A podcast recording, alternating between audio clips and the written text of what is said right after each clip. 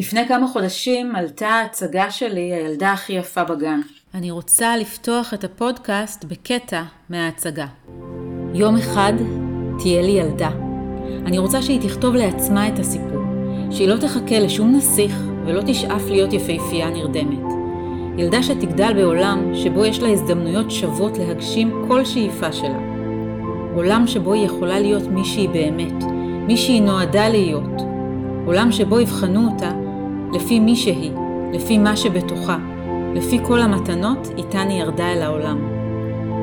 ואני, יום אחד אני אהיה אישה שתוכל בלב שלם לחלום, ליזום, להגשים את חיי.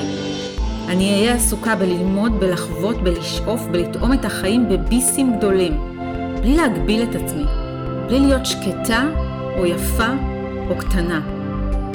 יום אחד אני אהיה אישה גדולה, עם ילדה קטנה, ילדה שתהיה הילדה הכי שמחה בגן, כי יש לה אימא מאושרת.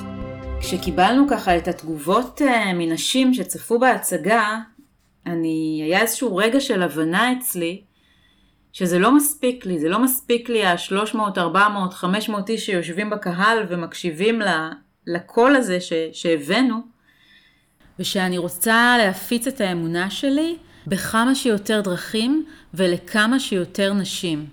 אני מאמינה שאנחנו צריכות בעולם קול נשי, עוצמתי, פורץ דרך. אני מאמינה שלכל אישה יש קול כזה, וככל שיותר נשים ישמיעו את הקול הזה, ככה כולנו נחיה בעולם שלם יותר ומאושר יותר.